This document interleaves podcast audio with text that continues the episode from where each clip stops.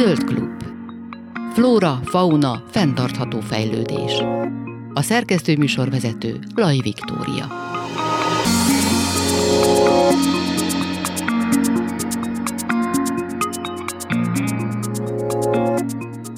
Köszöntöm újra a hallgatókat, továbbra is Laj Viktoriát hallják. Dr. Kelemen Eszter közgazdász doktori fokozatát az ökológiai közgazdaságtan területén végzett kutatásai alapján szerezte. Az ENSZ égisze alatt működő IBES szakértője,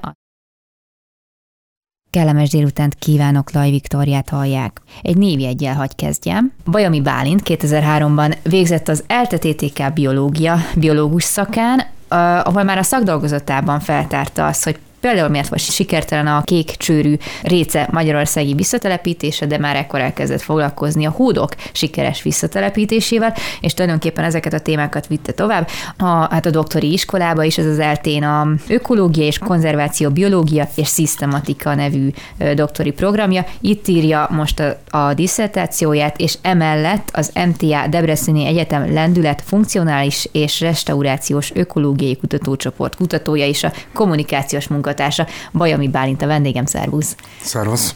Hát jó sok mindent csináltál, jó sok éve foglalkozol már ezzel az egész konzerváció biológiával, illetve a különböző visszatelepítési programokkal, munkálatokkal. Kezdhetnénk esetleg ott, hogy igazából milyen régre nyúlnak vissza ezek a visszatelepítési programok? Hát egyrészt igyekeztem a nemzetközileg feltárni a szakirodalmát a visszatelepítéseknek, és erre külön rámentem, hogy próbáltam megkeresni a legelső mm. cikkeket, amik ilyenekről számolnak be, és a legrégibb ilyen, amit találtam, az 1891-ben volt egy anyag, ahol felvetették, hogy, a, az, hogy az USA-ban a bölényeket telepítsék vissza, és aztán az 1900-as évek elején ez meg is valósult, tehát fogságban szapítatott bölényeket engedtek ki 1907-ben. Oklahomában valószínűleg ez az első dokumentált visszatelepítési program, de mások is voltak már abban az időszakban, és aztán szorványos a szakirodalom, az 1960-as évekig egy-egy ilyen publikáció van, de lehet azért tudni, hogy például a hódokat visszatelepítették mm. Skandináviába, vagy vidrával foglalkoztak, hiszen a 60-as évektől kezdett felfutni hát uh-huh. a, így nemzetközi szinten a visszatelepítések. De tulajdonképpen miben, vagy mikor lehet indokolt egy ilyen visszatelepítési program, illetve hát tulajdonképpen hogyan lehet azt garantálni, hogy ez sikeres legyen, ha egyáltalán beszélhetünk arról, hogy ez uh-huh. biztosan sikeres egy ilyen program? Hát egyrészt a sikerességről mondanék néhány szót. Uh-huh. Itt egyszer összegyűjtöttem, hogy azt hiszem 15 vagy 17 definíció van arra, hogy hogyan lehet definiálni egy program sikerességét. Oh, milyen egységes. Ja. Igen, igen és hát a, egy általánosan elfogadott definíció, hogy akkor sikeres, hogyha önfenntartó populáció jön létre, de ezt nehéz aztán konkrétan mérni. Az egyik vizsgálatunkban ezért ilyen kérdőíves vizsgálatunkban több tényezőt is megnéztük, hogy hány egyedet engedtek ki, mhm. mennyire maradtak meg rövid távon, szaporodtak-e a helyszínen. Igazából több év után lehet megmondani, hogy sikeres a program. Érdemes azt is tisztázni, hogy azt nevezik visszatelepítésnek, amikor eh, egy adott területről kipusztul az az állatfaj vagy növény, uh-huh. növényfaj, és aztán később eh, az emberi közreműködéssel kiengednek oda egyedeket, és megpróbálják újra honosítani. Tehát amikor teljesen kipusztult az állomány, tehát amikor mondjuk például ami, ami most zajlik azt, amit a Pilisi Parkerdőben a hiúzok nyomán, az nem visszatelepítés akkor, hanem egyfajta hát ilyen áttelepítési vagy szaporítási program, tehát hogy lét, élhetnek hát, egyedek van többféle kategória, Igen, van uh-huh. többféle kategória, és olyan is van, hogy egy meglévő az engednek ki plusz egyedeket, olyan is van, hogy maguktól jönnek be, tehát amikor a Hughes visszajött Magyarországra, ők a megerősödött szlovák állományból vándoroltak be, ugyanígy uh-huh. a, a farkas vagy az arancsok el azok dél részéről vándoroltak be, tehát az magától települt vissza, de Hughesra Európában van több tényleges visszatelepítési program is, ahol az ember telepíti oda a Hughes-t. Mm-hmm. De Magyarországra, amennyire tudom, magától vándorolt be az a néhány egyed, amelyik előfordul amelyik Magyarországon található. Uh-huh. Amire szerintem elsőként gondol az ember, az, hogy elsődlegesen az állatkertek végzik el ezt a feladatot, hogy a populációkat ugye fenntartsák, és majd onnan esetleg lehet visszatelepíteni állatokat a vadonba, mint például azt hiszem, hogy az európai bölény esetében volt, hogy nem is régen engedtek Igen. szabadon, azt van Nyíregyházi állatparkban nevelkedtek ők, vagy nem tudom pontosan honnan, de hogy ott történt ez. De hogy például érdekes volt, én ezt nem tudtam, hogy a, amit a, a kékcsörű réce telepítésekor végeztek, hogy ez konkrétan egy ilyen szaporító telep volt lényegében, amit Fülöpházán hoztak létre. Hát ez viszont egyáltalán nem egy állatkerti körülmény, hanem konkrétan egy ilyen, egy ilyen gyártó egység lényegében az adott fajnak. Hogy az állatkertek itt tehát máshol lépnek be a képbe, vagy nem olyan nagy volumenű az ő feladatuk ebben, vagy az ő visszatelepítési, nem tudom, részük, munkájuk? Hát van szerepe az állatkerteknek, mm. és itt ketté lehet választani a dolgot. Vannak olyan esetek, amikor más helyen élő, vadon élő állatokat befognak, és őket szállítás után őket engedik ki a célterületen. Ez az optimálisabb, mert azok az állatok tudják, hogy hogyan kell túlélni a vadonba, ahhoz uh-huh. vannak hozzászokva. Ilyen például a hód visszatelepítés Magyarországon, ahol Dél-Németországba fogták be, Bajorországba fogták be a hódokat, uh-huh. és itt Magyarországon kiengedték. Aztán igen, vannak olyanok, amikor zártéri szaporítás után engednek ki. Van, amikor állatkertek működnek közre, vannak ilyen nemzetközi a szaporító programok is. Például a bölényeket így mentették mm. meg, hogy vadasparkokba és állatkertekbe szaporították őket, mert ők teljesen kipusztultak a vadonból, és aztán csak zártéri szaporítással tudták őket felszaporítani, aztán kiengedni. Ez itt, ha csak generációkon keresztül szaporítják az állatokat, akkor akár olyan is lehet, hogy genetikailag alkalmazkodnak a zártéri körülményekhez, és aztán nehezebben élnek túl a, a vadonban, úgyhogy ha van választási lehetőség, akkor érdemesebb a, a hogyha van még vadon élő nagyobb populáció máshol, akkor érdemes vadon befogott egyedeket alkalmazni. A bölént említetted, úgy tudom, hogy az őrségben van egy ilyen valahol, nem is tudom, Bőri Szentpéter, vagy vannak a környékén. Szalafő. Szalafőnél, igen, igen, ott Pityerszernél egy ilyen bölény, hát rezervátum lényegében egy elkerített területen élnek, de hogy például egy ilyen, hogy mondjam, egy ilyen egységnek akkor nem az a szerepe, hogy majd egyszer előbb-utóbb visszakerüljenek az állatok a vadonba, inkább egy ilyen genetikai állományt biztosítanak, tehát hogy ebből lehet venni, hogyha arra kerül sor. Hát pont most leválasztom az Őrségi Nemzeti Parkkal, és hát ők elég, egy elég nagy területet körbekerítettek, uh-huh. Ez egy ilyen határeset a visszatelepítésnek, tehát uh-huh. végül is lehet visszatelepítésnek is tekinteni. Hát a Bölénnyel az a probléma, hogy Magyarország annyira sűrűn lakott meg, olyan sok autót, vasútvonal van, hogyha itt uh-huh. sok Bölény szabadon mászkálna, akkor abból lehet, hogy probléma lenne. Úgyhogy ugyanígy Hortobágyon is van egy nagy körbekerített terület, ahol pedig a vadlovak élnek, és eh, próbálják az őstúlkot visszatenyészteni, hmm. amely kipusztult, és egy hasonló állatot eh, létrehozni. Az egy, én ott voltam bent, ez egy hatalmas körbekerített terület, de hmm. egyelőre az nem terv, hogy eh, teljesen szabadon engedjék őket, ahogy például abból is, hogy megjelent egy medve Magyarországon, az nem visszatelepítés volt, de abból is utána tele volt a sajtó velem, meg van, aki fél is tőle, úgyhogy ilyenkor ezeket az ilyen nagy testű állatoknál meg kell fontolni, hogy mennyire reális az, hogy uh-huh. teljesen szabadon engedni őket, de a Kárpátokban például a magas helyek között ott létrehoztak teljesen szabadon álló bölény populációkat most nemrég Erdélyben. Azt említetted, hogy az élőhely is kell, és mint ahogy itthon ja. például nem volna a bölénynek konkrétan hely, fizikailag nem férne el. Hát erdő talán, vagyis hát, volnának szabad csak nem volna ideális csak neki annyira. Azt, azt fel kell mérni, hogy milyen konfliktusok várhatók az emberrel, és azt előre, előre ki kell erre találni valamit. De hogy ilyen tekintetben viszont nyilván élőhely szempontjából is alkalmasnak kell lenni ahhoz, hogy visszatelepíthessenek valahova egy bizonyos fajt. Tehát az ilyen visszatelepítési programoknak tulajdonképpen csak egy része az nem, hogy a, a, a populációt, vagy ezt a genetikai állományt feltornázzák egy picit, és Igen. a másik része az, hogy alkalmas legyen az a hely, ahol Igen. őket vissza kell pakolni. Hát a legfontosabb, mielőtt belevág egyáltalán valaki egy visszatelepítési programba, az az, hogy fel kell mérni, hogy mitől pusztult ki az állat. Tehát mondjuk eh, túlvadászástól vagy az élőhelye szűnt meg, és ezt a problémát kell kezelni ahhoz, hogy tehát hogyha nem szűnik meg ez a probléma, akkor fölösleges eh, belekezdeni. Például a hód esetében ott eh, a 19. században a csapdázás és vadászat miatt pusztultak ki, és most meg eh, eh, védett állat a hód, hát most kezdik kis számban vadászhatóvá tenni a hódat, tehát olyan esetben tud sikeres lenni egy program, hogyha megszűnik a kipusztuláshoz vezető út, és igen, van olyan, hogy az élőhelyet is helyre kell állítani ahhoz, hogy hogy ki lehessen engedni. Például a lápipóc esetében olyan, abban benne vagyok abban a programban, mm. olyan kis tavakat hoztak létre a kollégáim, újonnan hoztak létre kis tavakat, ahol uh-huh.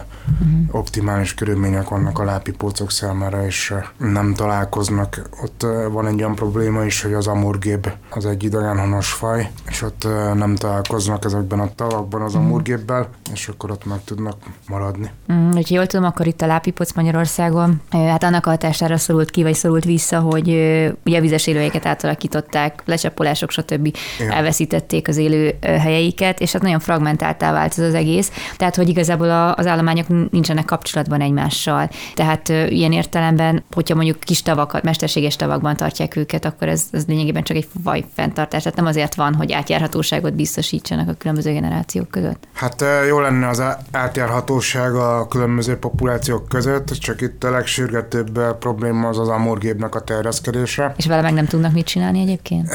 Hát vannak most ötletek, fölmerült, de ez csak nagyon, ez még csak ötlet szinten létezik, hogy olyan szelektív varsát vagy csapdát készíteni az amógép számára, ahova valamilyen feromonnal tett ilyen mm.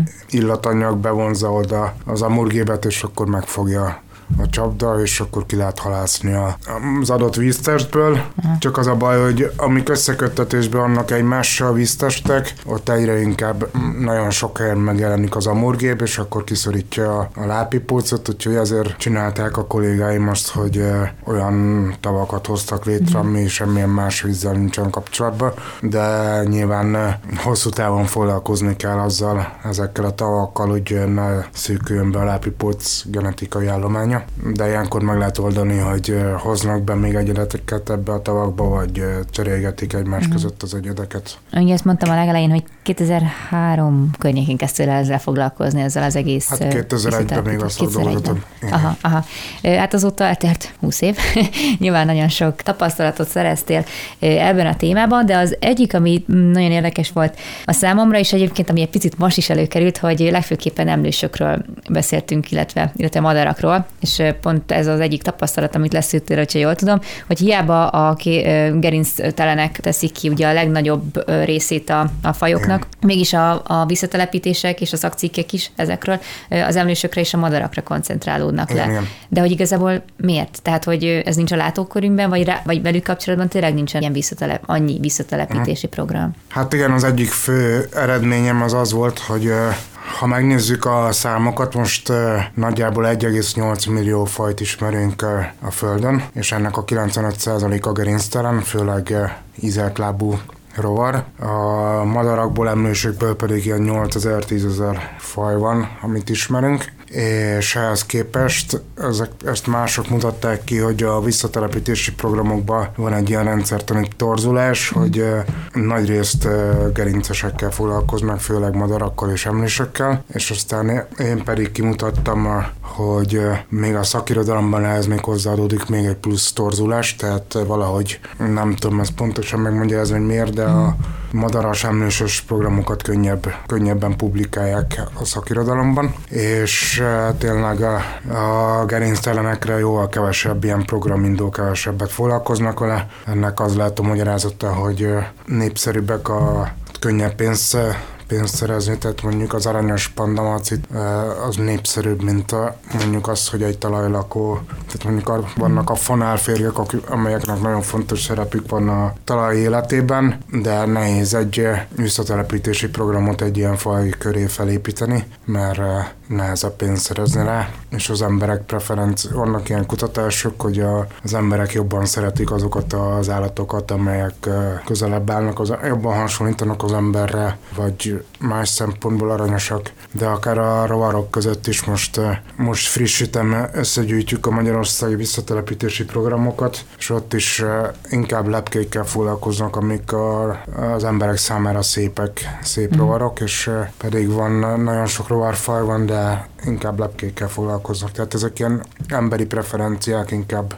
De ezeket a finanszírozásokat nem inkább szakmai szempontok alapján kéne meghozni, mint az, hogy most tetszik-e nekem a sikló, vagy nem? Tehát, hogy hát annak is uh, szerepe, szerepe kell legyen benne, csak uh, muszáj foglalkozni a finanszírozással, és amikor az ember elindít egy ilyen programot, és mondjuk a, a két csörüléce programmal például nagyon sok önkéntes munka volt, Aha. és uh, sok madarász van Magyarországon, és akkor oda könnyebb volt önkéntes munkát szerezni, uh-huh. vagy adományokat gyűjteni, de mondjuk ha az ember Európai Uniós pályázatokból finanszírozza, akkor lehet, hogy ott már a szakmai, szakmai szempontok azok jobban érvényesülnek, de annyi elő, előnye azért lehet ennek, tehát hogyha például a lápi póc esetében ott létrehoztak egy ilyen tavakat, uh-huh. és abban a tóban egy csomó más élőlény is megtelepedett, tehát ha egy konkrét fajra fókuszálunk, ezt a zászlós hajófajnak mondják ezt, az, ezt a fogalmat, tehát hogy van egy népszerű faj, és akkor annak az élőhelyét, az egészet meg lehet őrizni, és akkor mm. azok a kevésbé népszerű fajok is jól járhatnak egy ilyen program hatására, akikkel esetleg a nem lehet bekerülni a híradóba, de mégis az élőhelyet azt megőrzik a mondjuk a bölények miatt körbekerítenek egy hatalmas területet, és akkor ott az összes faj az védettség alá kerül azon a területen. De úgy most a kék csőrű récékkel mi van? Tehát annó ez sikertelen volt, de azután nem is voltak próbálkozások? Vagy ez, hogy... Magyarországon azóta nem volt, hát ez 80, hát 82 környékén kezdtek el foglalkozni a gondolattal, és 91-ben abban maradt a program. Sajnos nem volt sikeres. Próbálkoztak még eh, Korzikán, tehát Franciaországban, Olaszországban is, mm. ott se sikerült Spanyolországban viszont, hát igen, amit mondtam az elején, ott ez egy ilyen gyarapítási program mm. volt, mhm. tehát Spanyolországban megmaradt egy kicsi populáció, és arra rátelepítettek kékcsörőjécéket, és ott növekszik az állomány, ez egy sikeres program volt. Úgy tűnik a kékcsörőjéce az egy nehezebb dió, mint, mint mondjuk a hód, az ott a legtöbb program a sikeresnek bizonyult, uh-huh, uh-huh. mármint természetvédelmi szempontból. Aztán az egy másik kérdés, hogy a hold ez milyen konfliktusokat generál utána a, a fák kirágásával, illetve a, az árvízvédelmi gátok megrongásával. Hát igen, a hódban ilyen kihívóra akadtunk, hogy ugyanúgy szereti megváltoztatni a környezetét, ahogy mi. Tudod, hogyha rajtunk kívül ezt másfajt csinálja, akkor hú, azt na, inkább ne, nem nézzük el neki. Hát igen, a szegény hódnak nincs túl jó sajtója, de amellett meg egy nagyon fontos ökológiai, na, egy nagyon fontos ökoszisztéma szolgáltatásokat tud nyújtani.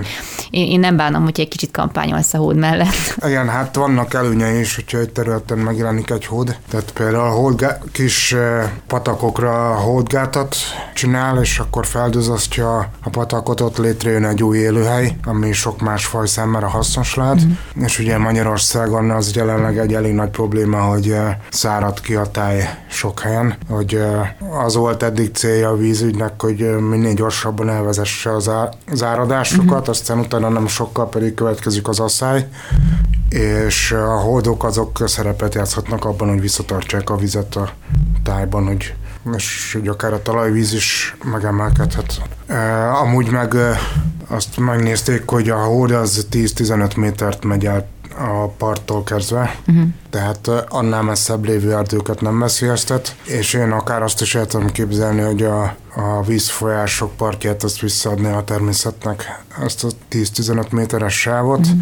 és annak idején a folyamszabályozások idején volt abból egy vita, hogy milyen közel legyenek a gátak a vízfolyásokhoz, és végül is az valósult meg, hogy mm, lehetőleg közelebb legyen mondjuk a Tiszához a, a gát, tehát ebben a szellemben csinálták az egész folyamszabályozást, és talán emiatt is vannak most ezek a problémák, hogy odáig még elmegy a hód, és akkor megrágja a gátakat. Hát igen, meg lehet találni nyilván az együttélésnek a, a módjai, csak lehet, hogy erre a szakemberek sem számítottak, nem annyira jól sikerül, aztán még mielőtt megtaláltuk volna a közös hangot, azelőtt robbant be lényegében az ő állományuk, vagy nem tudom, hogy konkrétan mi történhetett, de az biztos, hogy mint ahogy a most visszatelepülő medvéhez vagy farkasokhoz is meg kell tanulnunk alkalmazkodni, mint ahogy a óthoz is például. De egy fontos találatod volt még az, hogy, hogy általában azok a programok voltak a sikeresebbek, amelyek az IUCN, a Természetvédelmi Világszövetségnek a, hát az útmutatása alapján, vagy szempontjai alapján lettek megvalósítva.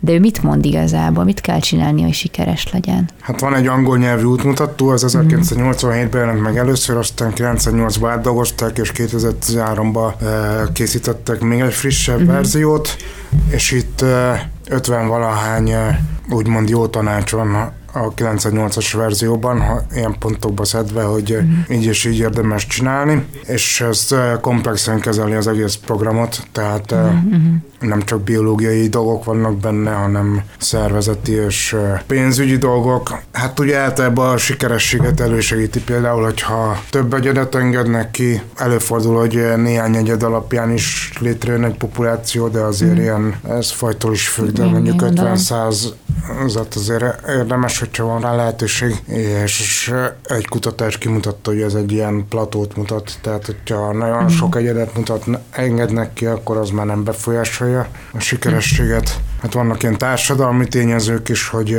a helyi lakosság egyetértése az fontos, főleg a problémák, problémás fajok esetén, tehát hogyha mondjuk farkast telepítenek vissza valahová, akkor fontos azzal is foglalkozni, hogy a házi állatokkal mi lesz, meg hogy a helyi lakosság Igen. egyetértsen, de vannak olyan fajok, ahhoz, ahol ez kevésbé lényeges, mondjuk a lápipóc az viszonylag kevés zavar egy medvéhez képest. Tehát ez az útmutató egy ilyen komplex dolog, és akkor készült egy kérdőíves, angolok csinálták, akik vízimadarakra mérték föl, tehát minden egyes pontra rákérdeztek, hogy hogyan csinálták a visszatelepítést. Aztán mi ezt a szakdolgozómmal lefordítottuk magyarra, és akkor a magyar visszatelepítési programoknál is megnéztük. Olajos tímával végeztük ezt a vizsgálatot, és hát egy kicsi, mint, tehát kevés program van benne, de a, a vízimadarak meg a magyar, magyar programok alapján kijött a statisztikailag, hogy minél inkább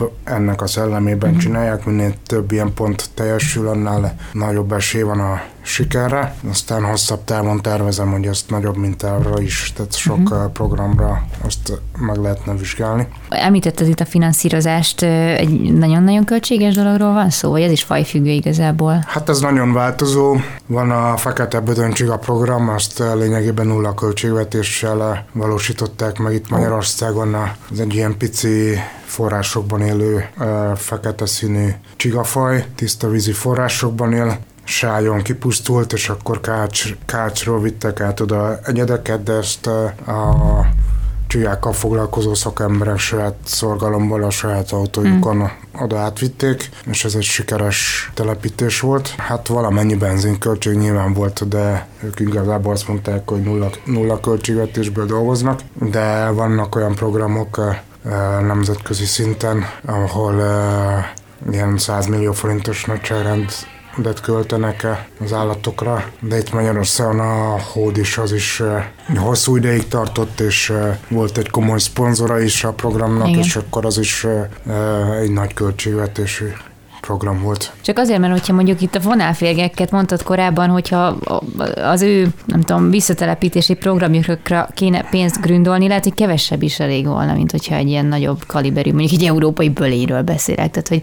én úgy gondolom, hogy ez nem kerül annyiba, mint egy egyednek a szamba visszatelepítés egy bölényből. Hát igen, mondjuk például, amit mondtam, a fekete bőröncsig, az uh-huh. egy ilyen nagyon pici igen, igen, igen. állat, és abból 400-at engedtek ki, azt hiszem két év alatt, de az is egy ilyen elfér egy hűtőtáskába. Aha. De mondjuk bölényből felszaporítani 400 egyedet, és aztán szállítani, meg Jaj. kiengedni, meg ugye itt figyelni kell a biztonságra is, az emberek biztonságára, altató lövedék uh-huh. kell, amikor szállítják, úgyhogy nyilván ez fajtól függ, hogy melyikre mennyi költségvetés uh-huh. kell. És azt, azt is meg lehetne elvileg nézni, azt tudtam, még nem vizsgálta senki, hogy van-e összefüggés a között hogy mennyi pénzt fordítanak egy programra, és mennyire sikeres. Köszönöm a beszélgetést Bajomi Bálintnak, az ELTE doktoranduszának és az MTA Debreceni Egyetem lendület, funkcionális és restaurációs ökológiai kutatócsoport kutatójának és kommunikációs munkatársának, és akkor sok sikert kívánok még a, a doktoridnak, a, a diszertációdnak a befejezéséhez. Köszönöm szépen. Zöld klub. Flóra, fauna, fenntartható fejlődés. Köszöntöm újra hallgatókat, továbbra is Laj Viktoriát hallják. Dr. Kelemen Eszter közgazdász doktori fokozatát az ökológiai közgazdaságtan területén végzett kutatásai alapján szerezte. Az ENSZ égisze alatt működő IBES szakértője, a platform egyes jelentéseinek vezető szerzője. Külső munkatársként dolgozott az MTA Politika Tudományi Intézetében, 2018-ban elnyerte az MTA Bolyai János kutatási ösztöndíját. Fő kutatási területei az ökoszisztéma szolgáltatások, a társadalmi társadalmi részvételre épülő szociokulturális természetértékelési módszerek, a fenntartható tájhasználat társadalmi és politikai tényezői, valamint a tudomány és szakpolitika közötti párbeszéd kritikai vizsgálata. Dr. Kelemen Eszter két másik kutatótársaságában vette át idén az Euronatur környezeti kiválóságért díjat az IBESZ kutatói nevében.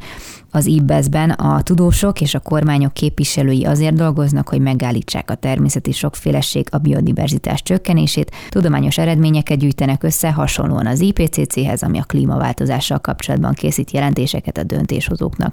Dr. Kelemen Eszter közgazdász, az ESSRG kutatója van velem a vonalban. Jó napot kívánok! Jó napot kívánok! Nálunk nem annyira ismert ez az Euronatur környezeti kiválóságért díj, illetve ez az egész rendszer. Pontosan igazából mit csinál, illetve hogyan kerültek be itt a díjazottak közé az IBESZ-szel? Ez az Euronatur valójában egy alapítvány, egy német, Németországban működő alapítvány, több mint 30 éve létezik és 1992 óta adják oda, adományozzák oda minden évben ezt a környezeti kiválóságért díjat. Civil szervezetek, illetve magának az alapítványnak a a vezetősége terjeszthet fel személyeket vagy szervezeteket a díj elnyerésére, tehát nincsen, nem létezik olyan, hogy valaki önmagát javasolná egy, egy ilyen díjra, és aztán maga a board, tehát a vezetőség az alapítványnak dönt, nagyjából egy fél éves procedúra, amíg a a lehetséges jelölteket végigbeszélik, érvelnek mellettük, és a végén kiválasztják azt, hogy az adott évben ki legyen a díjazott. Nagyon változatos díjazottak voltak egyébként eddig. Két évvel ezelőtt például egy, egy montenegrói folyó körül élő csapat, női csapat kapta ezt uh-huh. a díjat, akik sok civil tevékenységgel próbálták megakadályozni, hogy erőmű épüljön a folyóra, és ezzel megmentették ennek a folyónak a védett környezetét. Hm. És akkor most ilyen jelöltekhez vagy díjazottakhoz kapcsolódtak tulajdonképpen az IBESZ kutatói is. 2014 óta dolgozik az IBESZ-nek, mert hát itt kutató.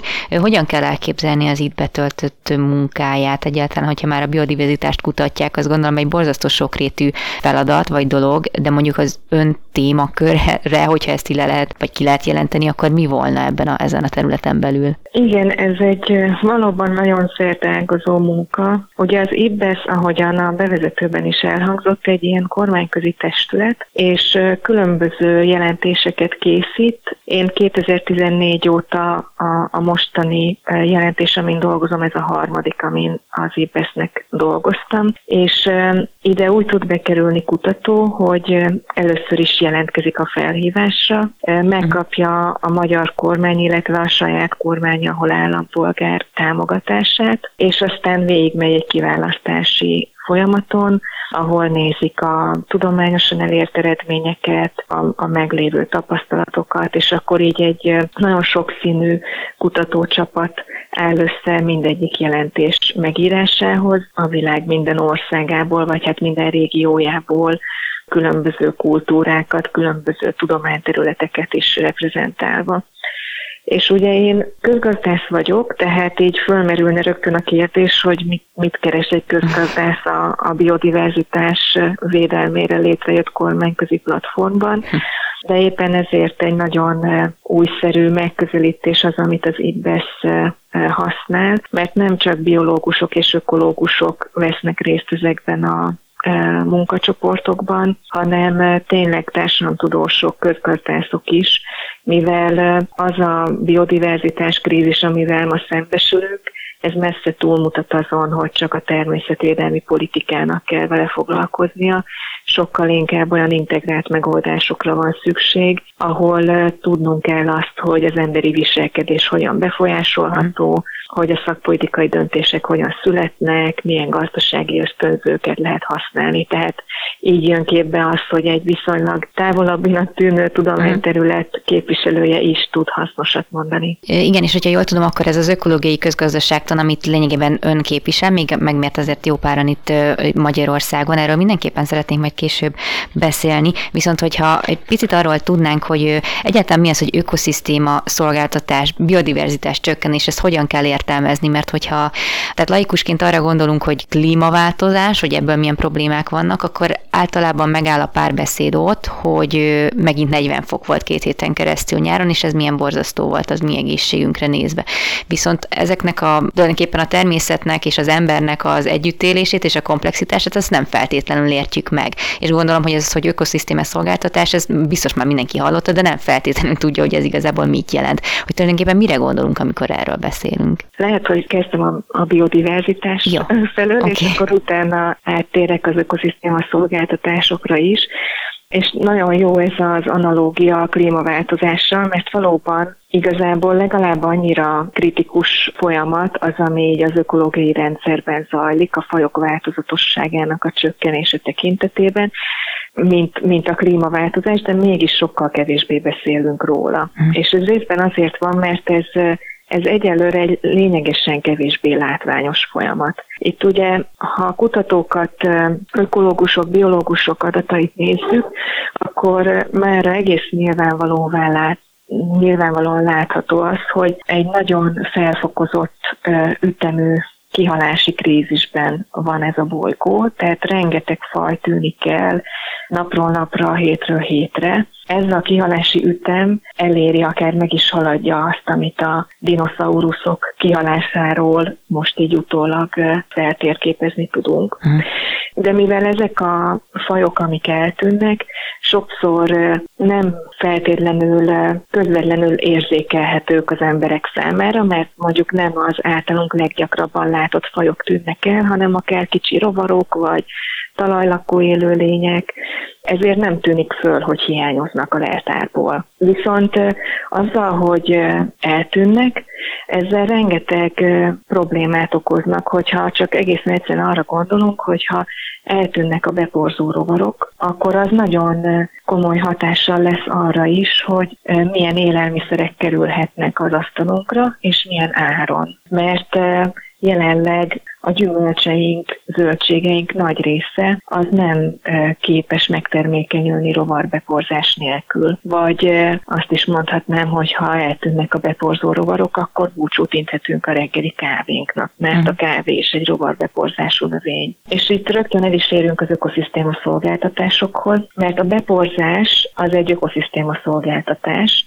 Tulajdonképpen ezt a definíciót arra találták ki, hogy megragadja, meg tudja mutatni azokat a kézzelfogható és nem kézzelfogható javakat, amiket a természet a társadalom számára nyújt. És azért is jött létre ez a fogalom, hogy egy kicsit ezt a biodiverzitást, meg a biodiverzitás csökkenéséből fakadó problémákat könnyebben el tudjuk magyarázni, meg tudjuk értetni az emberekkel, hogy ezek miért nagyon kritikus, nagyon fontos folyamatok az emberi jólét szempontjából is. Csak nehogy ez a szolgáltatás szó, az félrevigye az emberek gondolkodását olyan értelemben, hogy akkor ez nekem jár, hogy ez ingyen van, pedig hát nem, mert ugye ez az ökoszisztéma szolgáltatásban nekem is bele kell fektetnem ahhoz, hogy ez működőképes legyen. Hát igen, ez egy nagyon érdekes kérdés, ugye, mert valóban magyarra fordítva ezt a szót, hogy ökoszisztéma szolgáltatás, ez tényleg úgy tűnik, mintha az ökoszisztéma ezt így nekünk szolgáltatná, és ez így van jól, gondolhatnánk. De hát valójában ez ugye akár nagyon régóta fönnálló ökológiai folyamatoknak, meglévő fajoknak, fajok közötti kapcsolatoknak az eredménye, uh-huh. és mint egy ajándék, ami biztonságosabbá és élhetővé teszi számunkra ezt a bolygót. Uh-huh.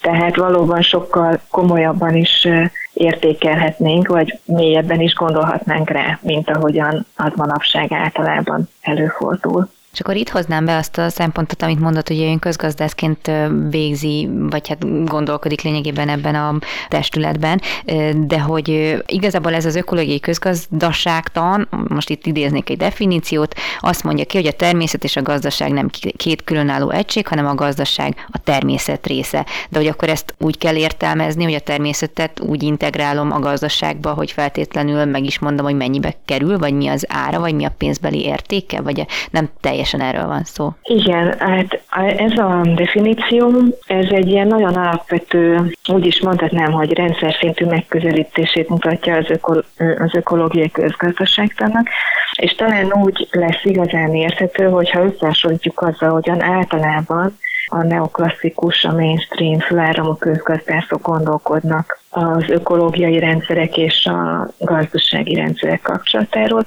ugyanis általában ez a viszony nagyon egyszerű folyamatokra szűkül le, hogy mi az erőforrásokat kivesszük, használjuk a természeti környezetből, ugye maga a gazdasági rendszer, ami átalakít, értéket ad hozzá, stb. És aztán használjuk még ezt a természeti rendszert arra, hogy a szennyezést, a hulladékot elnyeli. És akkor erre, erre válaszol mondja ezt az ökológiai közgazdaságtan, hogy, hogy ezek nem ilyen különálló rendszerek, amik között van anyag és energiaáramlás és kész, hanem a földi bioszféra, az ökológiai rendszer, az magába foglalja a társadalmat és a gazdaságot is. A gazdaság nem tud tovább nőni annál a korlátnál, amit a földi bioszféra mutat. Se energetikai anyagáramlási tekintet, de se semmilyen más értelemben. Ezért van ez, hogy így a, a gazdaságot belehelyezi úgymond ebbe az ökológiai rendszerbe. És nagyon fontos kérdés az, hogy lehet-e meg kell-e pénzben értékelni az ökoszisztéma szolgáltatásokat. Erre nagyon hosszú ideje van törekvés, és ezt a törekvést nyilvánvalóan az indokolja, hogy a mai döntéshozatali logika szerint ugye azt tartjuk értékesnek, ami mellé pénzáramokat tudunk felmutatni. Uh-huh. Ugyanakkor az, hogyha a természetet, vagy a természet által nyújtott ökoszisztéma szolgáltatásokat pénzben értékeljük, ez egy csomó módszertani meg etikai kérdést is fölvet, hogy, hogy tényleg ki lehet pénzben fejezni egy rétisasnak az értékét, uh-huh. vagy a, a beporzó rovaroknak az értékét, és hogyha kifejezem, akkor attól majd változni fog bármi is. Erre voltak globális értékelések, felmérések 1997-ben az első, és aztán ezt meg is ismételték a 2000-es években, amik óriási pénzügyi adatokat mutattak ki, a Földön megtermelt, adott évben megtermelt GDP-nek a sokszorosát, hogy azok a természet hozzájárulásainak az értéke. De mindezek ellenére valójában cselekvés nem történt. Tehát fals abban reménykedni egy kicsit, hogyha pénzben fejezzük ki ezeket a természeti értékeket, attól feltétlenül majd jobban fogunk dönteni, mm. és komolyabban számba vesszük ezeknek a tényleges hozzájárulását a működésünkhöz. Ezért aztán az ökológiai közgazdaságtan képviselői elég sokat dolgoznak azon, hogy hogyan lehet nem pénzben értékelni ezeket az ökoszisztéma szolgáltatásokat, milyen más eszközök, megközelítések állnak a rendelkezésünkre, amik nem feltétlenül forintokat, eurókat rendelnek a beporzás, meg mondjuk az árvizek elleni védekezés, vagy az egészségünkre, mentális egészségünkre gyakorolt hatások mellé, hanem inkább megérteni az emberek gondolkodásába beemelni igyekeznének ezeket a természet által számunkra nyújtott szolgáltatásokat. De erre a fizetős természetre ö, olvastam egy nagyon érdekes példát, mégpedig Kosztorikának a, az esetét, ami ezt a fizetős ökoszisztéma szolgáltatási modellt használja, és akkor ezzel azt érték el, hogy a, visszaerdő, a visszaerdősítésnek köszönhetően a növény és az állatvilág fajgazdagsága újra elérte az erdőírtások előtti múlt század közepi szintet, az állam területének a felét ismét őserdő borítja, negyed évszázad, évszázada viszont az alig ért el a 20 százalékot. És hogy annak tudhatták ezt be, hogy a parlament annó elfogadta hát pár progresszív közgazdásznak az ajánlását, akik azt mondták, hogy igenis fizessünk az ökoszisztéma szolgáltatásokért, tehát hogyha a turista bemegy az őserdőbe, fizessen, hogyha itt egy fal kitermeléssel dolgo- foglalkozik valaki, akkor fizessen, de hogyha csak kutatni akarja a természetet, akkor is fizessen. Aztán jöttek be persze az ilyen mindenféle ENSZ pályázatok, meg világbanki pénzek, amiből a megújuló forrásokba tudtak fektetni, és tulajdonképpen egy ilyen nagyon szép állapotot értek el. De hogyha ez tényleg ilyen jól működő, ez a fizetés ökoszisztéma szolgáltatás modell, akkor ez tulajdonképpen miért nem egy elterjedtebb gyakorlat? Vagy az ő esetükben ez valahol máshol lehetett a, a siker kulcsa? Hát Kosztarika valóban egy bezeg ország, és, és tényleg egészen elképesztő eredményeket értek el a biológiai sokféleségük megőrzése, az élőhelyeik védelme tekintetében és ebben fontos szerepet játszott az, hogy a, főleg az erdőgazdálkodók által megőrzött ökoszisztéma szolgáltatásokért anyagi ellentételezést fizettek ezeknek a helyi földtulajdonosoknak, földhasználóknak. Ez viszont csak egy eleme volt annak a, mhm. az intézkedés csomagnak, amit egyébként Kosztarika bevezetett. Mert például kifejezetten nagy hangsúlyt adtak arra, hogy, a, mm, hogy, hogy formálják a szemléletet egészen kiskortól kezdve, de akár a felnőtteknél is, ahogy az szintén nagyon nagy hangsúlyt fektettek arra, hogy a természetvédelmi célokra érkező forrásokat azokat úgy döntsék el, hogy abba beleszólása van a helyben élő tájhasználóknak is. Uh-huh. Emiatt aztán az egész társadalom gyakorlatilag érdekelté vált abban, hogy minél zöldebbé váljanak, minél uh-huh. fenntarthatóbbá váljanak. Viszont mindaddig, amíg ezek a pénzáramok nem kapcsolódnak össze az alulról jövő kezdeményezésekkel, meg annak a realizálásával, hogy miért fontos megőriznünk a természetet, tehát amíg nincsen ez a szemléletformálás, nincsen a képességtétel, uh-huh. nincsen egy demokratikus részvételi alapú elosztás,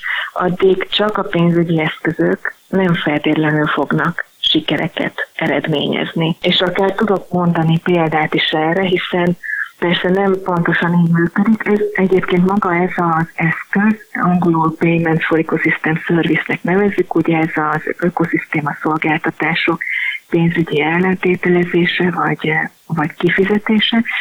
Ez most más országban is működik, nem csak Kosztorikában, de sokkal megesebbek az eredmények, de nagyon egyszerű biodiverzitás mutatókban is.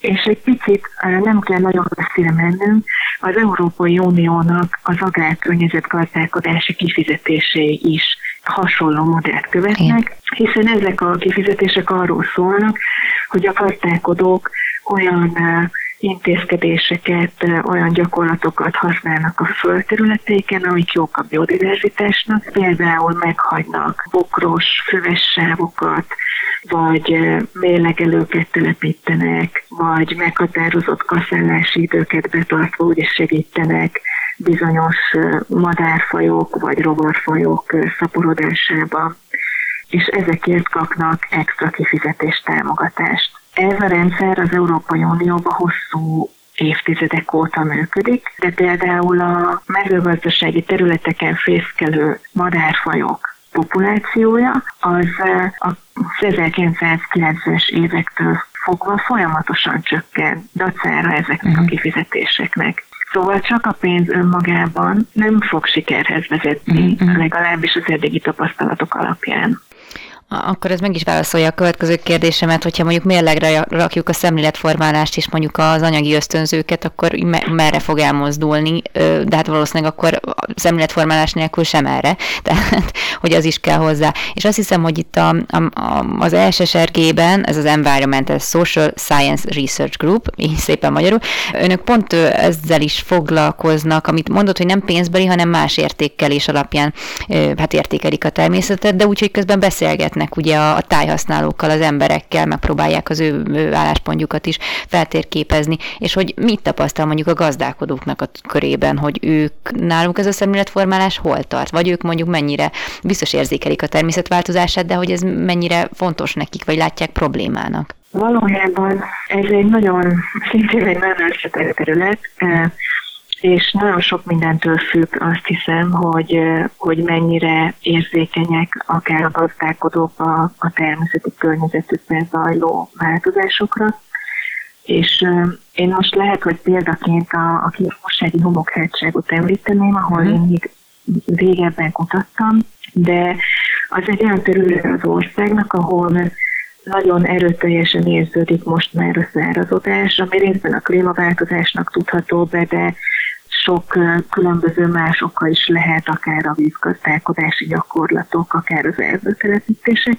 A lényeg az az, hogy az ott élő emberek gyakorlatilag a saját bőrükön érzékelik azt, hogy, hogy valami megváltozik. És amikor ilyen beszélgetős, interjúzós vagy csoport interakcióra, fókuszcsoportokra alapuló kutatásokat végeztünk ott, akkor az egyik tanulság az az volt, hogy ugyan a gazdálkodók nem nevezik ökoszisztéma szolgáltatásnak nyilván ezeket a dolgokat, de mégis nagyon sok mindennek tudatában vannak, hogy, hogy miért fontos a természettel harmóniában gazdálkodni. A másik nagyon tanulságos dolog pedig az volt ezekben a, ebben a kutatásban számunkra, hogy mindenki bizonyos szeleteket lát az ökológiai rendszerből, és nem feltétlenül áll össze az egész egy összetett képé.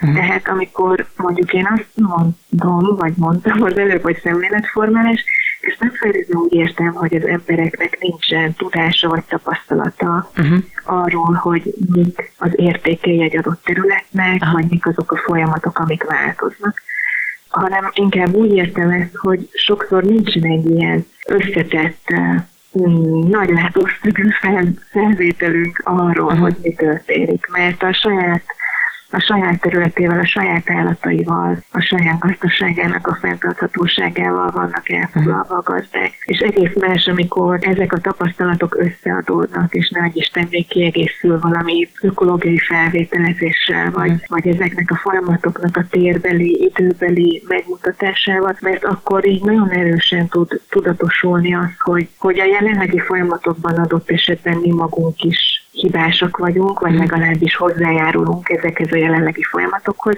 Ez el is hangzott egyébként volt olyan beszélgetésünk, ahol ahol ezt, ezt nyíltan kiismerték mondani uh-huh. azok a helyi emberek, akikkel együtt dolgoztunk, és éppen ezért a megoldás kulcsa is sokszor ugye a mi kezünkben van, a mi generációnk kezében, meg uh-huh. azoknak a kezében, akik ezt a tájat jelenleg használják. És erre való ráébredés az, ami a változásokat utána el tudja indítani. Uh-huh. És nagyon fontos szerepe van egyébként az anyagi ösztönzésnek, mert valóban sokszor a megélhetés lebbenbe befolyásolja az, hogy mennyire intenzíven gazdálkodik valaki. Hát igen. De de igazából akkor tud ez motiválóvá válni, amikor egy belső motiváció is van mellette, uh-huh. és nem csak azért fogok mondjuk később kaszálni, mert akkor jön meg a támogatás. Ha ez így van, akkor abban a pillanatban, amikor késik a támogatás, akkor visszaállok az eredeti kaszálási időpontokra, visszaállok ugyanahhoz az eredeti a természetet nem kímélő gazdálkodási módszerre. Ellenben, hogyha ez egy belső motivációra, egy belső megértésre tud alapozni ez a fenntartható gazdálkodási gyakorlat, az egy sokkal nagyobb tűrőképességgel mhm. rendelkező rendszert fog kialakítani. Mondta, hogy most dolgozik egy jelentésen, az mikorra várható? Mert 2019-ben volt egy nagyobb jelentés ennek az IBESZ-nek. Mikor lesz a következő? Igen, ugye 2019-ben a globális felmérés eredményei jöttek ki. Most, amit dolgozok, ez az értékekről és értékelésről szóló felmérés. Aha. Jövőre 2022 júliusában, július elején kerül a kormányok elé, és ugye át fog menni ugyanezen a folyamaton, mint az IPS globális felmérése, vagy az IPCC jelentések szoktak átmenni, hogy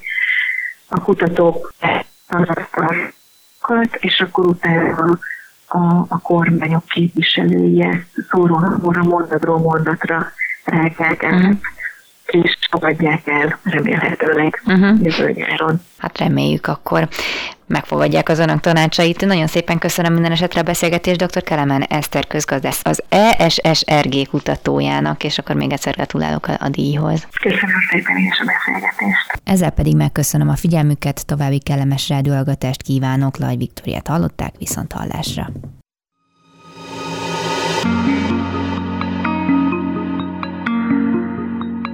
Flóra, fauna, fenntartható fejlődés. A Zöld Klub műsorát hallották.